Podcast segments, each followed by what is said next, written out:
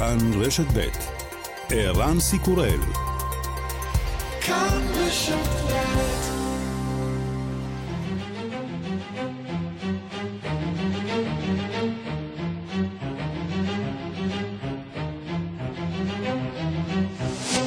השעה הבינלאומית 18 באפריל 2022 והיום בעולם.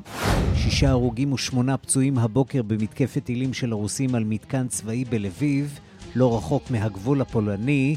הטילים פגעו גם במוסך להחלפת צמיגים. בין ההרוגים גם ילד.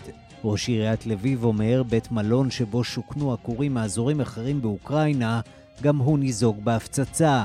הקרב העיקרי ממשיך להתנהל בעיר הנמל מריופול שעל גדת ים אזוב.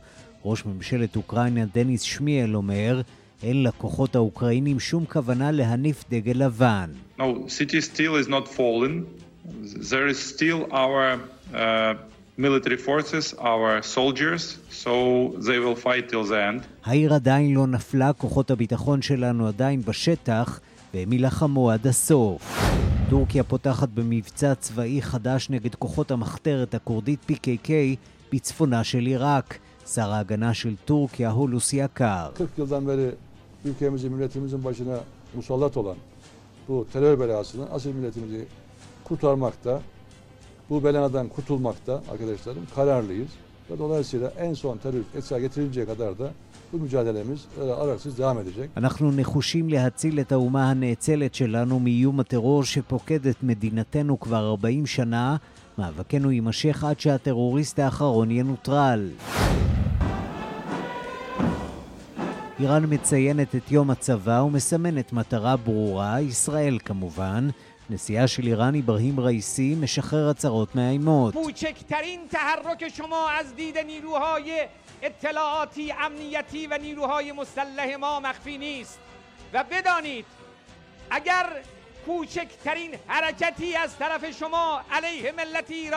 גם הצעדים הקטנים ביותר שלכם לא נסתרים מהמודיעין שלנו, שירותי הביטחון והצבא.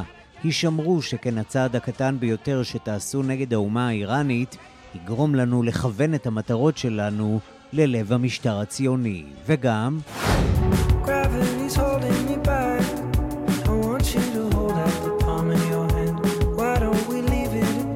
הזמר הארי סטיילס ממשיך לשבור שיאים. בסוף השבוע זכה שירו As It Was להפוך לשיר המושמע ביותר מפי גבר בענקית הסטרימינג ספוטיפיי.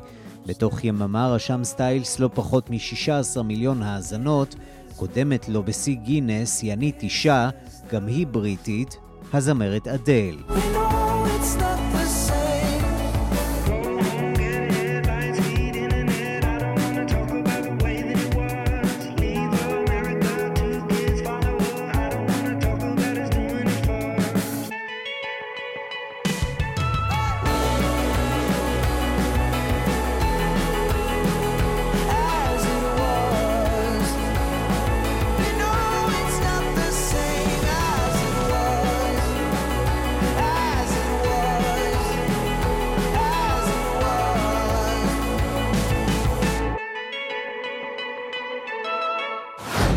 השעה הבינלאומית שעורך זאב שניידר, מפיקה אורית שולץ, בביצוע הטכני אמיר שמואלי ושמעון דוקרקר, אני רנסי קורל, אנחנו מתחילים.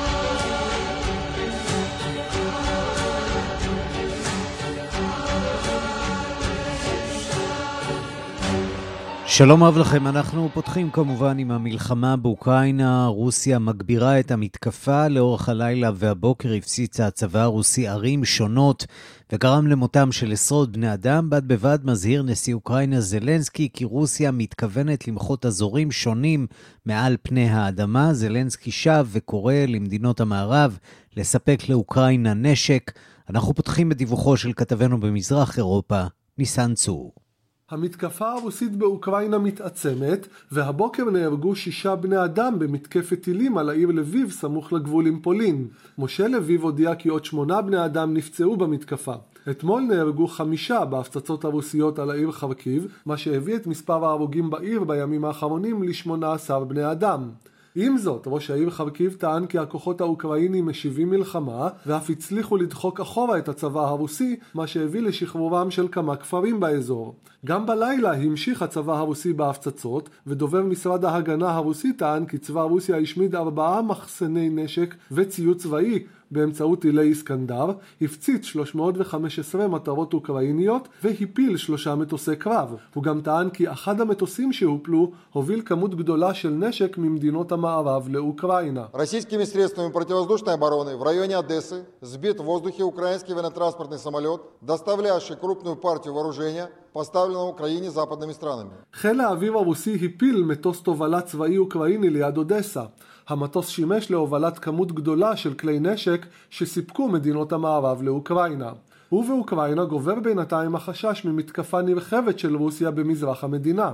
בנאום מוקלט לאומה הזהיר אתמול הנשיא זלנסקי כי צבא רוסיה מתכוון למחוק מעל פני האדמה אזורים שלמים, ובהם העיר מריופול, דונייצק, לוהנסק ועוד, וקרא שוב למדינות המערב לספק במהירות נשק נוסף לאוקראינה. Російські війська готуються до наступальної операції на сході нашої держави. Вже найближчим часом хочуть буквально добити і знищити Донбас, знищити все, що колись дало славу цьому промисловому регіону. כוחות רוסיים נערכים למתקפה במזרח אוקראינה בעתיד הקרוב. הם רוצים פשוט להשמיד את דונבאס, להרוס את כל מה שהביא תהילה לאזור התעשייתי הזה. הכוחות הרוסיים הורסים את מריופול. הם רוצים למחוק מעל פני האדמה מקומות אחרים וערים אחרות באזורים של דונייצק ולוהנסק. אנחנו עושים הכל כדי להגן על המקומות האלו. אנו בקשר מתמיד עם שותפינו. אנו אסירי תודה למי שבאמת עוזר. אבל מי שיש לו את הנשק והתחמושת הדרושים לנו ומעכב את עזרתו, חייב לדעת שגורל הקרב הזה תלוי גם בו. גורלם של אנשים שניתן להציל תלוי גם בהם. בריאיון ששודר אתמול ברשת CNN, דחה זלנסקי את האפשרות כי יוותר על שטחים במזרח אוקראינה כדי לסיים את המלחמה. הוא טען כי צבא רוסיה הקים תאי עינויים בחרסון ובערים אחרות בדרום אוקראינה, וכי החיילים הרוסים גונבים כספים מהתושבים המקומיים ואת הסיוע ההומניטרי הנשלח עליהם. אתמול שוחח זלנסקי עם יושבת ראש קרן המטבע הבינלאומית, קריסטלינה גיאורגייבה, ודן איתה בדרכים להבטחת היציבות הכלכלית באוקראינה לאחר המלחמה, ובסיוע לשיקום ובנייה מחדש של האזורים שנהרסו במלחמה. Говорив сьогодні з директоркою розпорядницею Міжнародного валютного фонду Крісталіною Георгієвою про забезпечення фінансової стійкості України та про підготовку відбудови нашої держави. שוחחתי היום עם יושבת ראש קרן המטבע הבינלאומית קריסטלינה גיאורגייבה על מתן תמיכה כספית לאוקראינה לשיקום לאחר המלחמה. דנו בתמיכה קונקרטית שיכולה להינתן על ידי קרן המטבע הבינלאומית הן מיד והן מנקודת מבט של כמה שנים. אני בטוח שיהיה אפשר להרגיש את התקדמות השיחות שלנו. ובינתיים מהדקים הכוחות הרוסיים את המצור על מריופול, העיר שנפגעה בצורה הקשה ביותר במלחמה. על פי פטרו אנדרויושנקו, יועצו של ראש עיריית מריופול, הצבא הרוסי החל להנפיק אישורי מעבר, שרק בעזרתם יוכלו התושבים המקומיים להסתובב ברחובות. אתמול, בשעה אחת בצהריים, פקע האולטימטום שהציבה רוסיה לחיילים האוקראינים במריופול להיכנע אחרת הם יושמדו. אולם הצבא האוקראיני דחה את הדרישה, והודיע כי החיילים יילחמו על העיר עד להכרעה. בעדכון מטעם המודיעין הבריטי נמסר כי מפקדי צבא רוסיה מודאגים מאוד מהזמן הארוך שנדרש מהם לכיבוש מריופול, וכי ההתנגדות האוקראינית גרמה לצבא הרוסי להסיט כוח אדם וציוד באופן שפגע בהתקדמות אל תוך העיר ולמקומות אחרים. ועם המשך המלחמה גובר גם זרם הפליטים מאוקראינה. על פי נתונים שפרסמה אתמול סוכנות הפליטים של האו"ם, עזבו מאז פרוץ המלחמה 4.8 מיליון תושבים את אוקראינה, והמספר עלול עוד לגדול במידה ורוסיה אכן תפתח במתקפה נרחבת במזרח אוקראינה בימים הקרובים. ניסן צור, פולין. שלום אה, לכתבנו בוושינגטון, נתן גוטמן. שלום ערן. משלוחי הנשק החדשים מארצות הברית לאוקראינה כבר עושים דרכם למדינה. מדובר בציוד בשווי של 800 מיליון דולרים, שאמור לסייע לצבא האוקראיני מול המתקפות הרוסיות, אבל בממשל חוששים שגם הסיוע הזה לא יספיק. האם אנחנו מתקרבים לרגע שבו הרכבת האווירית הזאת של סיוע צבאי מארצות הברית תסתיים? אולי ארצות הברית מוותרת, מרימה ידיים בקרב הזה?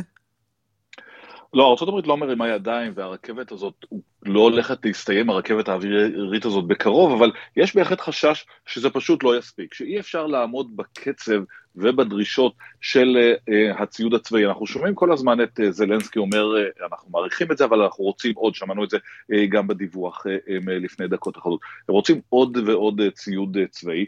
ארה"ב העבירה כבר ציוד בשווי מיליארדים והיא תעביר יותר, אבל המלחמה הזאת משתנה.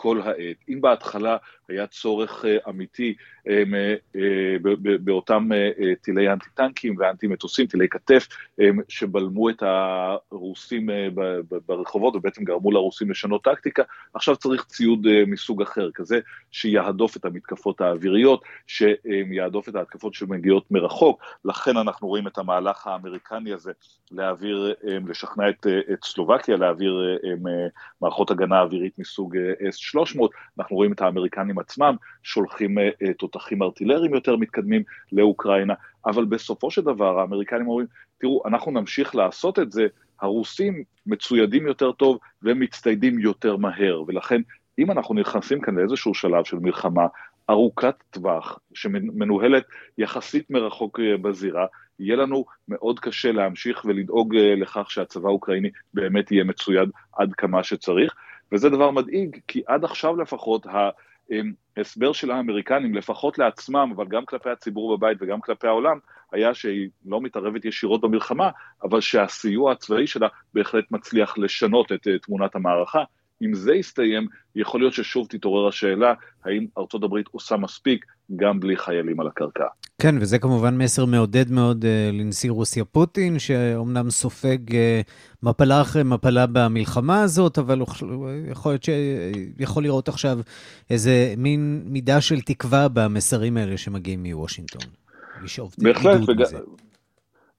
בהחלט בגלל שאנחנו משחקים פה עכשיו על זמן. אם לפוטין יש את הסבלנות ויש לו אותה, ואם אין לו בעיה של דעת קהל בבית שמתקוממת על האבדות ועל הכישלונות, הוא בהחלט במשחק הארוך יכול לנצח את המערב, כי למערב יש פחות יכולת, כפי שאנחנו שומעים, לספק את ההגנות הנדרשות לאורך זמן, ואם הוא מעוניין להמשיך עד אין קץ, יכול להיות שזה היתרון של פוטין. בואו נעבור מכאן לסיפור uh, צדדי, אולי קצת רכילותי אפילו. הנשיא ביידן עשה uh, כותרות לפני כמה חודשים, כשאמר שהשאלות של כתב רשת פוקס uh, ניוז הן מטומטמות. עכשיו נדרשת הדוברת של ביידן, ג'ן סאקי, לסוגיה, וכן, גם היא חושבת שמדובר בשאלות מטומטמות. כן, ג'ן סאקי נמצאת לקראת סוף תפקידה כדוברת הבית הלבן, אולי היא מרשה לעצמה יותר, אולי חושבת כבר על העמדה הבאה שלה כפרשנית אה, ברשת הטלוויזיה הליברלית אה, MSNBC, כך או כך היא הופיעה בפודקאסט ונדרשה קצת להסביר את הדברים של הנשיא ביידן אה, כלפי כתב הבית הלבן של רשת פוקס ניוז, פיטר דוסי. בואו נשמע קודם כל אולי תזכורת מדבריו של הנשיא. Will you take questions on inflation then? Thank you. Do you think inflation is a political liability ahead of the midterms? That's a great asset. More inflation. What a stupid son of a... איזה אידיוט, אה, אומר אה, ביידן, ואני מתרגם את זה פה בנדיבות יחסית, אה, על כתב רשת פוקס ניוז פיטר דוסי, הוא לא התכוון אגב שישמעו את האמירה הזאת, אבל mm-hmm. זה בהחלט מה שהוא חושב. אז האם ג'ן סאקי, דוברת הבית הלבן, מי שמתייצבת כל יום מול העיתונאים, אכן חושבת שהכתב של אחד הרשתות המובילות בארצות הברית הוא אידיוט? הנה מה שהיא אמרה בפודקאסט. Is he a stupid son of a or does he play a stupid son of a on TV? Well, um, he works for a, a network. Okay. That um, provides people with questions that nothing personal to any individual, including Peter Ducey, but might make anyone sound like a stupid son of a. Okay. היא לא, היא לא מנסה אה, לתרץ או, או לחזור מהדברים שאומר הבוס שלה, אומרת אה, ג'ן סאקי על אה, פיטר דוסי, כתב רשת פוקס ניוז, הוא עובד ברשת שמספקת שאלות שיגרמו לכל אחד להישמע כמו אידיוט. המגישים והקהל באולם אוהבים את התשובה הזאת, ספק אם זה באמת המסר שמי שאמורה להיות הדוברת האובייקטיבית שמתייצבת מול העיתונאים כל יום, אמורה להעביר. ללא ספק התבטאות לא ראויה, לא שלה ולא של ג'ו ביידן. עיתונאים שם כדי לשאול את השאלות, גם כשהן מרגיזות, גם כשהן אה, מעוררות אה, פוליטיקאים ולא גורמות להם אולי לרצות להשיב.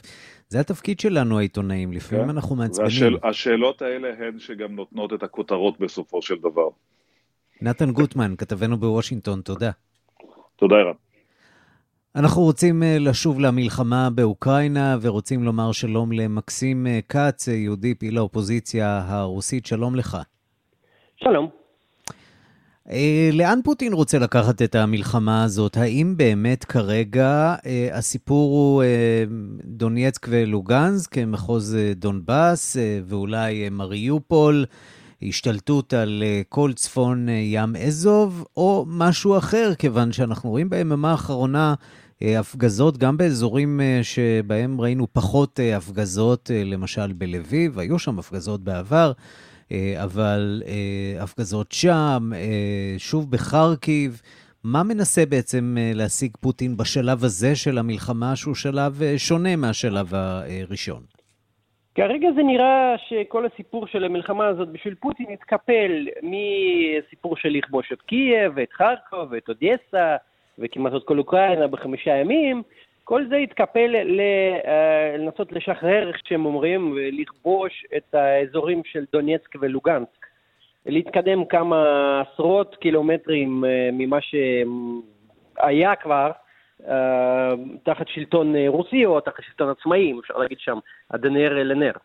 מריופול זה גם, זה חלק מאזור דונייצק, מנסים להשתלט עליו כבר חודש וחצי, לא כל כך מצליחים, ממשיכים לנסות, אבל זה כנראה מה שהוא רוצה להכריז עכשיו כניצחון, אם הם uh, כובשים את האזורים של דונייצק ולוגנסק באוקראינה.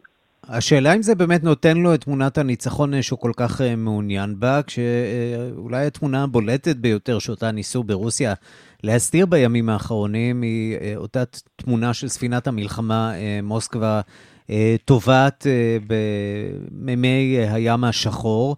זאת אולי התמונה החזקה ביותר שמגיעה מהמלחמה, אולי לצד הרוסי, אני לא יודע עד כמה הם רואים את התמונות האלה.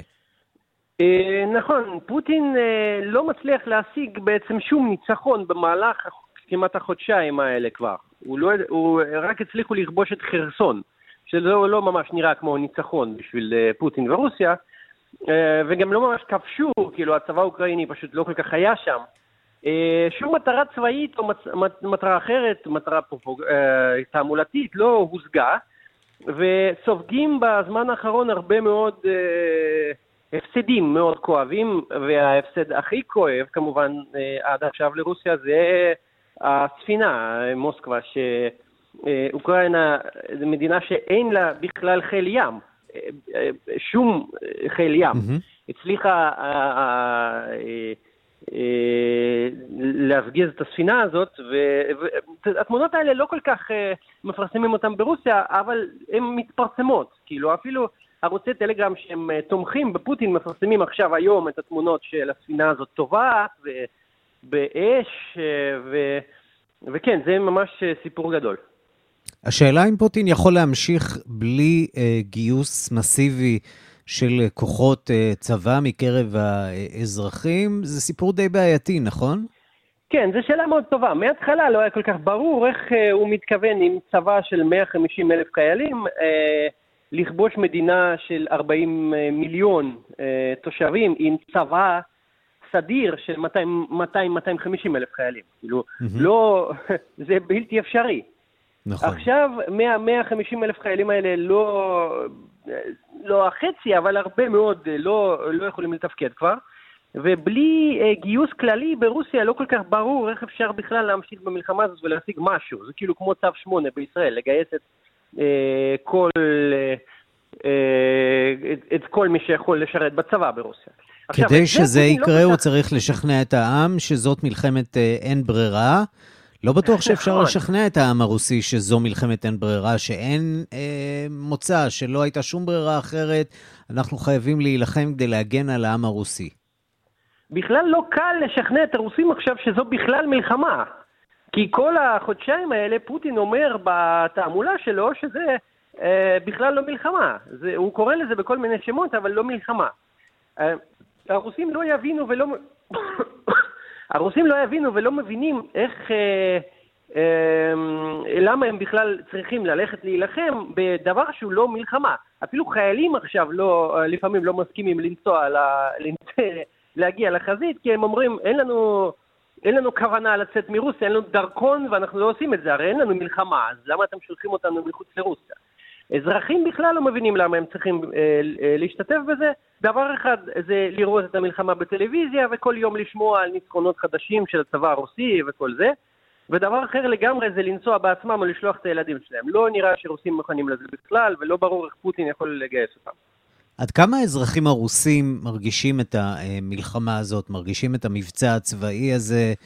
פוגע ביומיום שלהם, אה, באמת אה, במחסור בחנויות או אה, דברים מהסוג הזה, שמישהו במערב אולי ציפה שיקרו בצורה מואצת הרבה יותר, אבל בפועל, אני לא יודעת כמה זה מגיע אליהם ממש, נכון? בפועל המשבר הכלכלי עוד לא מגיע אל הרוסים ממש, וגם הסנקציות שמטילים החברות הבינלאומיות, למשל ויזה ומאסטר קארד, הם לא כל כך, אה, אה, אה, רוסים לא כל כך מרגישים אותם. הרוסים מתחילים להרגיש את זה שחיילים נהרגים שם.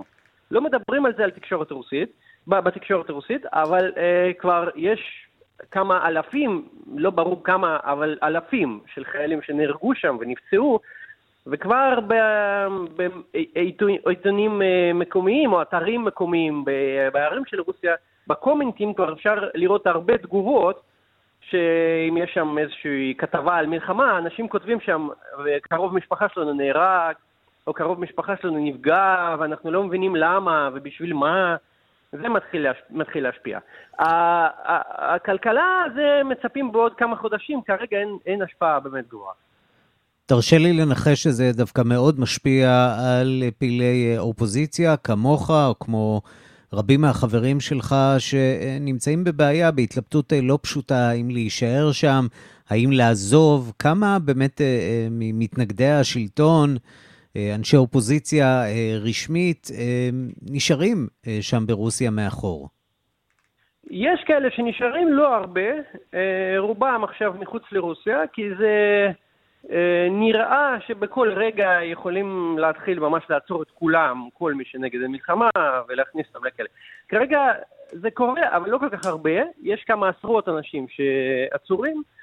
אה, זה לא האנשים האלה שאפשר היה לצפות שהיו נעצרים. יש כמה אה, שהם לא, אבל מצפים שזה באמת יכול, יכול להתחיל לקרות, אנשים מנסים uh, לצאת מרוסיה אם הם יכולים. וזה... ואתה בבלוג שלך uh, מעביר כן. מסרים uh, אנטי-מלחמתיים. קיבלת איזה שהן תגובות או איזה שהם מסרים גלויים או סמויים מהמשטר ברוסיה שאולי כדאי שתפסיק? Um, כן, כמה מסרים סמויים כאלה, אבל זה מסרים רגילים שאני תמיד מקבל, תמיד קיבלתי, הם מנסים להגיד לי שהם יכולים להשיג אותי גם פה. שזה לא, שאני לא ארגיש בטוח אה, בגלל שאני לא ברוסיה, אבל זה לא, זה לא משהו גדול, זה משהו שתמיד קורה שם, אה, משהו שכבר קצת התרגלנו. אה, כרגע זה לא נראה שזה יכול אה, באמת אה, ללכת יותר רחוק מאיומים, אבל אי, אי אפשר לדעת. מקסים כץ, יהודי פעיל האופוזיציה הרוסית אה, ובעלים של ערוץ אה, יוטיוב אה, פוליטי רוסי, תודה רבה לך על הדברים. תודה רבה. השעה הבינלאומית, טורקיה פתחה הבוקר במבצע צבאי בצפון עיראק במטרה לחסל מטרות טרור ואנשי צבא של ארגון ה-PKK.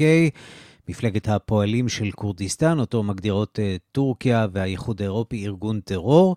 על פי שר ההגנה הטורקי הולוסי יקר, מטוסים וכלי ארטילריה הפציצו מטרות שונות של הארגון, בהן uh, מחסני נשק ותחמושת, בונקרים ומנהרות. בד בבד uh, כוחות רגליים חצו את הגבול. בואו נשמע את הדברים שאומר אתמול שר ההגנה הטורקי. Uzun süredir yapılan bir hazırlık ve koordinasyonu mütakip dün akşamdan itibaren Pençe çelik operasyonu başlatmış bulunuyoruz. אתמול בלילה הוצאנו לפועל את המבצע אחרי תקופה ארוכה של הכנות ותאומים. בשלב הזה השגנו את כל המטרות המתוכננות. חברינו לכדו את כל המטרות והשלימו בהצלחה את משימתם. אנחנו רוצים לומר שלום לדוקטור חייטן כהן ינרוג'ק. שלום, שלום, צהריים טובים. מומחה לטורקיה ממרכז דיין באוניברסיטת תל אביב ומכון ירושלים לאסטרטגיה ולביטחון. עם כל החדשות שמגיעות אלינו מאוקראינה, כמעט לא שמנו לב שיש מבצע צבאי של טורקיה בעיראק, אבל אה, זה קורה. מה המטרה של המבצע הזה? למעשה המבצע שאנחנו התבשרנו היום זה ההמשך של הנוכחות הטורקית המתמשכת מאז 2019. הטורקים לא נסוגו מצפון עיראק מאז אותו התאריך, 2019. אני עוד פעם מדגיש, כדי שנוכל להפנים. הטורקים לא חצו את הגבול רק אתמול, אלא יש להם כעת 13, 13 אה, בסיסים צבאיים אה, פועלים אה, בתוך החבל הצפון עיראקי. כעת הם הפציצו את מטינה, זאפ, אבשים ובסיאן, איפה שיש לנו את הנוכחות הכורדית של המכון, של המחתרת הכורדית PKK. זה לא מפיל אותי מהכיסא, פשוט זה דבר די שגרתי, אני חייב לציין. אה, שמתמשך, אה, פשוט טורקיה שינתה אה, את האסטרטגיית ההגנה, מזווית הראייה שלהם ההגנה הטובה ביותר זו ההתקפה, אז במקום להמתין ל...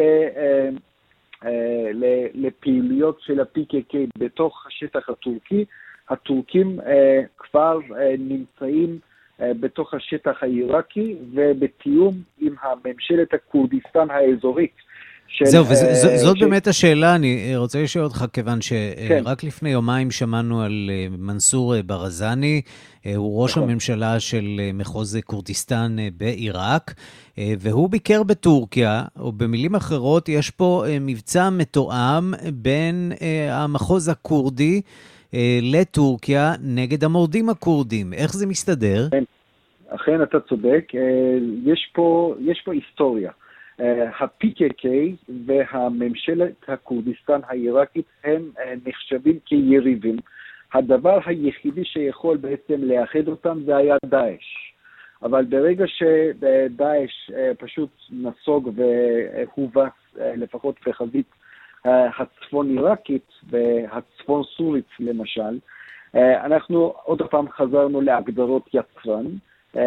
ומה זה הגדרות יצרן? חילופי אש בין הפשמרגה, כוחות הפשמרגה, שהם בעצם אה, הצבא של הממשלה, אה, ממשלת הכורדיסטן האזורית, לבין המחתרת הכורדית PKK. Mm-hmm. והטורקים מנצלים את הקרע הזה, וגם חשוב מאוד לציין שממשלת כורדיסטן העיראקית זקוקה לטורקיה.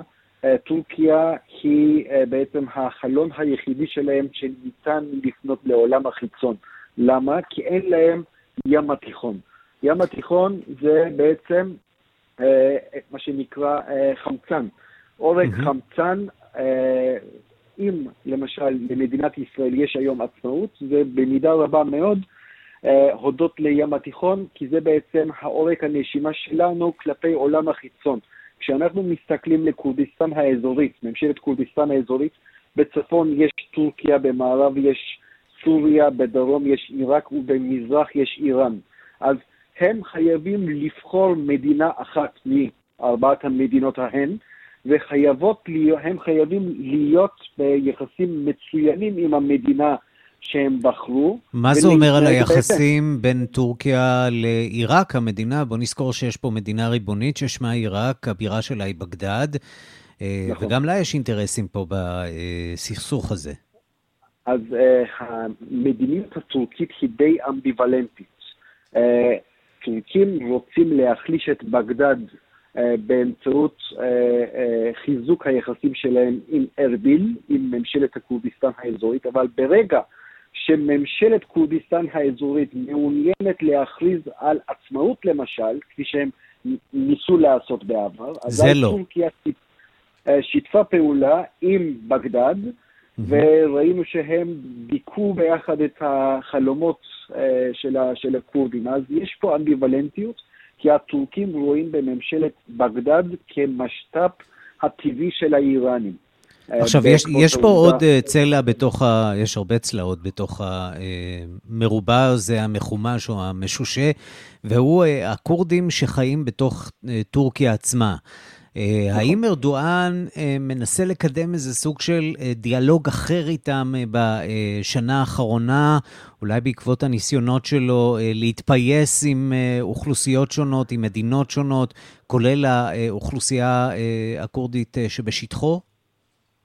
אני לא יכול לפסול את מה שאתה אומר, משום שבבחירות האחרונות באיסטנבול לרשויות המקומיות, מה שהביא לתבוסה של המפלגתו של ארדואן, זה כמובן היה השיתוף הפעולה של הכורדים אה, עם, הכוח, עם המפלגות האופוזיציה. ופה הוא מבין היטב, אנחנו מתקרבים לבחירות ב-2023, אם וכאשר הוא לא ישפר את היחסים באופן מיידי עם הכורדים, ואם הוא לא יוכל לגנוב מהם קולות, אזי uh, המצב שלו באמת uh, יכול, יכול מאוד להיות שהוא עלול להפסיד את הבחירות.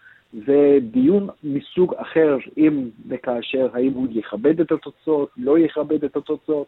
אני כרגע לא רוצה להיכנס לזה, אבל נניח אם הכל ילך חלק, אה, אז הכורדים אה, יכולים לתפקד כקינג מייקר. כלומר, הם בעצם יכריעו על התוצאות של, התוצאות אה, של הבחירות. אז לכן אני חושב שזה גם מיועד במידה רבה מאוד לפוליטיקה הפנימית, אבל גם אני חושב שזה אה, די קשור לכלכלת טורקיה, כי יש פה שמועות על כך שטורקיה מעוניינת לבנות פה קו צינור נפט וקו צינור גז אה, מצפון עיראק, מממשלת כורדיסטן האזורית לטורקיה, כדי שהם יוכלו לייצא. Mm-hmm. זה בעצם יעלה, זה בעצם תעלה את התלות של ממשלת כורדיסטן אה, אה, לטורקיה, זה גם בשורות טובות וגם רעות מן הסתם, אז טורקיה הופכת להיות יותר ויותר אה, בעלת השפעה בצפון עיראק, זה אומר שהיא חייבת איכשהו, איך אפשר להגיד, כאילו, להתנהל מול הממשלת הכורדיסטן האזורית, אבל בו זמנית היא עוד פעם חייבת לא לאפשר לה להיות עצמאית. אה, זה בעצם שם המשחק פה, זה משחק די אמביוולנטי, mm-hmm. והכורדים, אני, אני, אני מבין שהם גם מנצלים את החולשה, את ההידרדרות אה, בכלכלת טורקיה, ובאמצעות הנפט והגז שיש ברשותם. בעצם זוכים ביתר אה, לגיטימיות ומעמד, גם ללא הכרה כמדינה. דוקטור חייטן כהן ינרוג'ק, מומחה לטורקיה. ממרכז דיין באוניברסיטת אה, תל אביב ומכון אה, ירושלים לאסטרטגיה ולביטחון. תודה רבה לך. אני מאוד מודה לכם, כל טוב. לפני 11 ימים נשיא תימן, שזוכה לתמיכתה של סעודיה, עבד רבו האדי מנסור, הודיע במפתיע על פרישתו והעברת הסמכויות שלו למועצה נשיאותית שמורכבת משמונה חברים, אלא שלפי העיתון האמריקני וול סטריט ג'ורנל, האדי לא עושה זאת מרצון. יורש העצר הסעודי הכריח אותו להתפטר. וגם הכניס אותו למעצר בית בריאד. שלום לכתבנו לענייני ערבים רועי קייס. שלום ערן, צהריים טובים. זה נשמע קצת מוכר, וזה מזכיר לנו איזה מנהיג לבנוני אחד, כן. שגם הוא בילה בקלבוש אה, הסעודי. כן, סעד אל-חרירי, נובמבר 2017, אנחנו נחזור לזה בהמשך, אבל קודם כל באמת אה, נדבר על תימן. אז ב-7 באפריל, לפנות בוקר, החלו לזרום הידיעות על כך שנשיא תימן, עבד רבו עדי מנסור, התפטר מתפקידו והעביר את הסמכויות שלו למועצה נשיאותית, גוף שחברים בו שמונה פוליטיקאים, בראשם רשל מוחמד אל-עלימי. עבד רבו עדי מנסור, רק חשוב להזכיר, היה במשך עשור הנשיא של תימן שמקבל תמיכה מהמפרציות, בעיקר מסעודיה. ב-2012, במסגרת היוזמה המפרצית, הוא מונה לנשיא, אחרי ששימש כסגנו של הנשיא המיתולוגי הקודם, זה שנרצח, עלי עבדאללה סאלח, הוא היה בתפקיד במשך עשרות שנים, וכיסאו טולטל בעקבות מחאות האביב הערבי, אלא שעדי לא באמת היה הנשיא של כל תימן, אחרי שהמורדים החוסים, אלה שמקבלים תמיכה מאיראן, השתלטו על הבירה סאנה ב-2014-2015 ועל עוד חלקים במדינה, והוא ואנשיו נדחקו לדרום, אזור עדן. כיום הוא בכלל נמצא בריאד, וגם את נאום הפרישה שלו הוא נשא משם, כך זה נשמע לפני 11 יום, האדי רבי מנסור אומר, אני מתפטר. تنفيذا لتوافقات شعبنا الكريم اعلن انشاء مجلس قياده رئاسي لاستكمال تنفيذ مهام المرحله الانتقاليه وافوض مجلس القياده الرئاسي تفويضا لا رجعة فيه بكامل صلاحياتي כן, אז זהו נשיא תימן אה, לשעבר שמודיע לפני 11 יום על העברת כל סמכויותיו לאותה מוצאה נשיאותית וגם על פרישה מתפקידו, אלא שביממה האחרונה, כמו שציינת, העלילה מסתבכת. לפי העיתון האמריקני וול סטריט ג'ורנל, שנסמך על בכירים בסעודיה ובתימן, האדי אולץ להתפטר בלחץ סעודי, ליתר דיוק לחץ של יורש העצר הסעודי בן סלמן. מהלך ההדחה, כך ניתן, זכה לתמיכה בקרב מנהיגים בתימן שזוכים לתמיכה סעודית. הם אמרו, הגיע הזמן של עדי ללכת הביתה. העיתון אף טען כי עדי הוכנס למעצר בית בריאד והוא די מנותק מהעולם, לא נותנים לו למשל להגיע לטלפונים שלו. הסעודים איימו עליו, לפי הדיווח, שאם לא יתפטר, אז הם יחשפו פרשת שחיתות שתביך אותו מאוד. וכל זה קורה, רן, בזמן שהסעודים מחפשים אולי איזשהו פתרון, מוצא למלחמה הזאת, המלחמה העקובה מדם בתימן נגד החוסים, שנמשכת כבר שבע שנים ללא הכרעה, לאחרונה אחרי מתקפות נרחבות של החוסים בסעודיה, או מתקפות של הסעודים בתימן, הושגה הפסקת אש הומניטרית בחסות האו"ם לרגל חודש רמדאן, הפסקת אש למשך חודשיים, כרגע היא איכשהו מחזיקה מעמד, עם אופציה גם להאריך אותה. נראה שההדחה של עדי היא סוג של התארגנות מחדש במחנה הפרו-סעודי בתימן, בניסיון אולי של בן סלמן לשנות כיוון, וכאן כאמור פלשבק קטן לנובמבר 2017, אז ראש, ראש ממשלת לבנון דאז, הסוני סעד אל-חרירי, הכריז במפתיע על התפטרות מתפקידו במהלך ביקור בריאד, במחאה על דריסת הרגל של איראן וחיזבאללה בארץ הארזים. לימים התברר לפי פרסומים בתקשורת הבינלאומית שבן סלמן אילץ את אל-חרירי להתפטר, והוא אף הוחזק בריאד בניגוד לרצונו במעין מעצר בית. בהמשך, אחרי לחץ בינלאומי, הוא שב לארצו ואף חזר לתפקידו. אני סבור, ערן, שבמקרה של אדי, שאתה יודע שהוא פחות מוכר בזירה הבינלאומית, הוא לא צפוי כל כך לחזור מהר לתפקידו, מה שנקרא. כנראה שלא. רועי קייס כתבנו לענייני ערבים, תודה. תודה. השעה הבינלאומית, הסיבוב השני והמכריע בבחירות לנשיאות צרפת ייערך ביום ראשון, ושני המועמדים, הנשיא המכהן עמנואל מקרו ומנהיגת הימין הקיצוני מרין לפן, עסוקים בגיוס קולות המהססים, במיוחד אלה שהצביעו עבור מועמדים אחרים ברחבי המדינה בסיבוב הראשון. בין הנושאים שבמרכז הדיון גם סכנת האסלאם הקיצוני, ובתוכה שאלת הפולחן והסממנים הדתיים של המוסלמים, אבל גם של היהודים. הנוער הוא כמובן יעד מרכזי של השניים. כתבנו בפריז, גדעון קוץ, נלווה אל המועמדים בביקוריהם. שישה ימים לפני הסיבוב השני של הבחירות לנשיאות צרפת מנסים שני המועמדים, הנשיא היוצא עמנואל מקרון ומנהיגת המחנה הלאומי בימין הקיצוני מרין לפן, לעורר את עניינם של הבוחרים שהפגינו אדישות שיא בסיבוב הראשון. שיעור הימנעות גבוה גם בסיבוב השני ישחק לטובתה של לפן. השניים נלחמים על קולות תומכיהם של המועמדים שכשלו בסיבוב הראשון. התחזיות כרגע מראות על יתרון למקרון, שמוביל בפער של 4 עד 10 אחוזים, עם זאת רחוק מאוד מן השיעור של שני שלישים מהקולות שבו ניצח לפני חמש שנים. לפני העימות הטלוויזיוני המכריע ביום רביעי, השניים מנסים לצוד קולות בפרובינציה, במחוזות ובערים חשובות הרחק מפריז.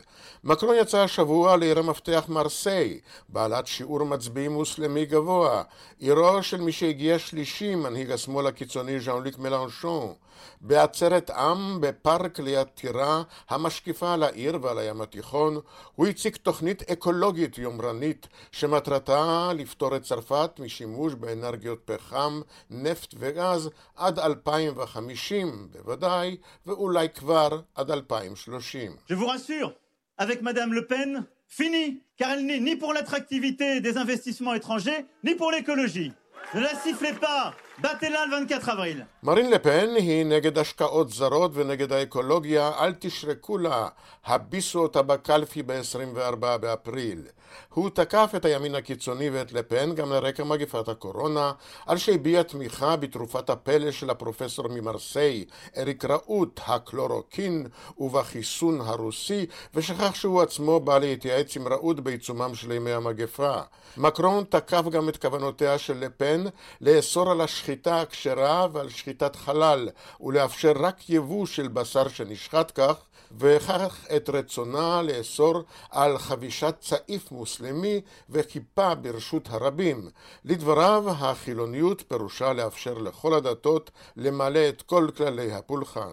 לפן יצאה היום דווקא למחוזות הילדות של מקרון, לכיוון האוקיינוס האטלנטי, אזור נורמנדי, וליתר דיוק הקלבדוס, והתגוננה נגד הגדרתה ראתה כמפקפקת בבעיית האקלים. Mais c'est ça, je, je, ne sais même pas sur quoi ils se fondent pour dire cela. Je n'ai jamais été climato-sceptique. J'ai un projet qui précisément tient compte de l'environnement, tient compte de l'écologie.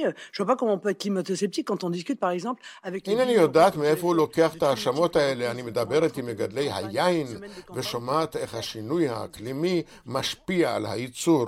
מקרו אינו מחמיץ שום הזדמנות להתנצל על חטא היוהרה המיוחס לו, לאחר שהתנגש לא מעט עם אזרחים במהלך ויכוחים לוהטים שהוא בעצמו יזם, ושבמהלכם הטיח בהם ביטויים קשים. אבל הוא אומר מועמדים אחרים, ובראשם לפן, נמנעים מדו-שיח עם המצביעים, ואני תמיד חיפשתי את המגע.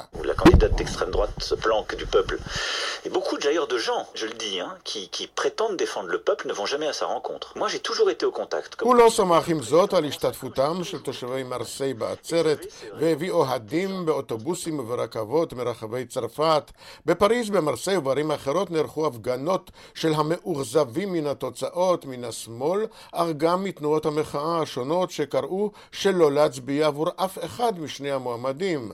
רוב המפגינים הם צעירים הטוענים שהאינטרסים שלהם לא נלקחו בחשבון, וכי המועמדים פונים לקהל המבוגר שלא אכפת לו מבעיותיהם, כמו דחיית גיל הפרישה, ויש ביניהם התובעים להגביל את זכות הבחירה בגיל. רוב המוזמנים שהוסעו לעצרת של מקרון היו דווקא צעירים, והוא פנה אליהם ישירות. Le 24 avril, c'est un référendum pour ou contre l'écologie. Le 24 avril, c'est un référendum pour ou contre notre jeunesse. ה-24 באפריל יהיה יום משאל העם בעד או נגד האקולוגיה, אבל זה יהיה גם משאל עם בעד או נגד הנוער. כאן גדעון קוץ, מרסיי.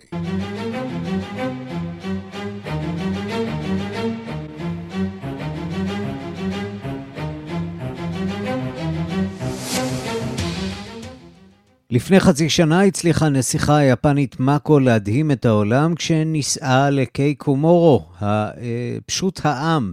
עכשיו היא עושה זאת שוב, אחרי שהיא פרשה מהמשפחה הקיסרית. היא נצפתה במסדרונות מוזיאון המטרופוליטן שבניו יורק. שלום לחוקרת התרבות מאיר קרימולובסקי. שלום, שלום, ערן. מפזרת אבק, כוכבים ומלוכה אה, במטרופוליטן, והיא שם בענייני עבודה, צריך לומר. כן, אז קודם כל אולי נשמע קטע קצר, נזכיר את הדיווח של ה-BBC על כך שנכדתו של הקיסר הגדול וכעת הדוד שלה הוא הקיסר ואבא שלה, אגב, אם חס וחלילה יקרה משהו לאחיו יהיה קיסר, כי לקיסר יש בת ובנות ביפן, לא מולכות, בואו נשמע את הקטע.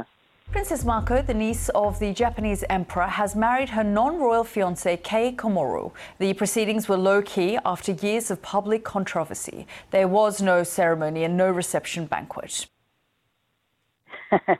כן, אז אה, זה באמת יוצא דופן, צריך לומר שזה לא קרה עדיין בהיסטוריה אה, של יפן הקיסרית. אה, זאת בחורה שבשלב מוקדם, ואנחנו רואים את זה כאמור בבתי מלוכה אחרים, ראה מקרה מגן אה, מרקל והארי, שלא רוצים יותר אה, לשאת בעול הזה, רוצים להיות אנשים רגילים, ללכת לאוניברסיטה, ללמוד, אחר כך להתמודד רגיל. זה אף פעם לא רגיל, אתה מבין כמובן שאם היא מסתובבת במסדרונות המטרופוליטן וכבר עובדת, גייסו אותה אגב, היפנים מדגישים שהיא עובדת בהתנדבות, היא לא מקבלת שכר. אבל היא עוזרת לאוצרת שאחראית על אומנות אסיה, וכנראה שהיא עובדת על תערוכה שתעסוק באיזשהו אוסף מאוד מעניין של נזיר שעסק ב, ביפן בזווית מיוחדת של הבודהיזם. בכל מקרה, עכשיו באים למטרופוליטן הרבה מאוד אנשים לראות אותה. היא הפכה למוצג בעצם, למוצג החשוב. ואני חושבת שזה שוב, שוב סמן לכך שבתי מלוכה ברחבי העולם בעצם אה, תופסים אה, תפנית אה, ממש לא צפויה למעשה. למה לא צפויה? דווקא יחסית צפויה. נכנסים ל, ל, ל, לעולם פשוטי העם. תראה, היא טוענת שהיא תמיד אהבה אומנות, ואם היא הלכה ולמדה אומנות, אגב, היא למדה באדינבורו ואחר כך באנגליה ומתמחה בגלריות ומוזיאונים, אז היא רוצה לעבוד בזה. ולא יתנו, לא היו נותנים לה לעבוד בזה אפילו באוסף של הקיסרות, שאתה מבין שקיסרות יפן יש לה אוסף אומנות פשוט מדהים. והיא בעצם רוצה להתנסות בדברים הרגילים, ויותר מזה, אני אזכיר שהייתה לה איזושהי התמוטטות עצבים אנחנו קלה. אנחנו בעד שהיא תממש את כל החלומות שלה, מירי קרימולובסקי. תודה רבה לך. תודה לך, ערן.